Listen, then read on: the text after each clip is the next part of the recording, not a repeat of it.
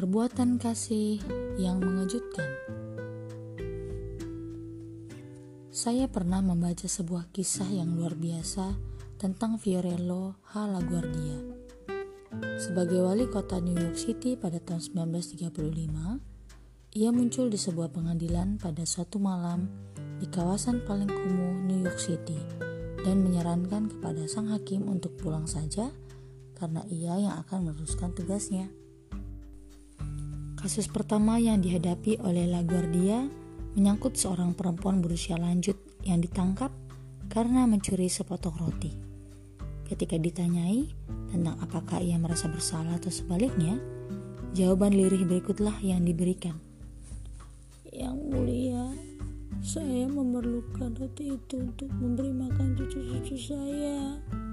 Saya tidak mempunyai pilihan lain kecuali menghukum Anda, sahut sang wali kota denda 10 dolar atau hukuman kurung selama 10 hari.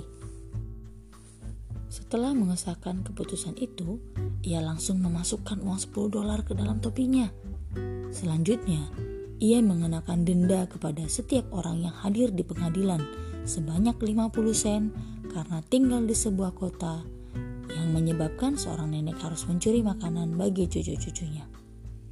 Kita dapat membayangkan keterkejutan pada semua orang di ruangan itu yang menurut saya pasti berpendapat bahwa ini kasus yang sangat gamblang. Ketika semua orang telah memberikan masing-masing 50 sen, perempuan tadi diwajibkan membayar denda, tetapi kemudian boleh pulang dengan membawa sisa uang sebanyak 47,5 dolar. Ada yang mengatakan bahwa perbuatan ramah itu seperti minyak pelumas yang dapat menjinakkan friksi-friksi dalam hidup. Begitu sering kita terlalu mudah menaburkan bubuk-bubuk kasar alih-alih minyak pelumas dengan menyalahkan, mengutuk, atau merendahkan mereka yang karena nasib buruk harus berurusan dengan pengadilan. Kendati pun demikian, sebuah perbuatan atau kata-kata ramah dapat mendinginkan friksi itu dan dapat membantu seorang untuk tabah. Coba perhatikan sekeliling Anda kepada siapa Anda akan menunjukkan kebaikan seperti yang dialami oleh perempuan tua di pengadilan itu? Keramahan dalam tutur kata menciptakan percaya diri. Keramahan dalam berpikir menciptakan kesempurnaan.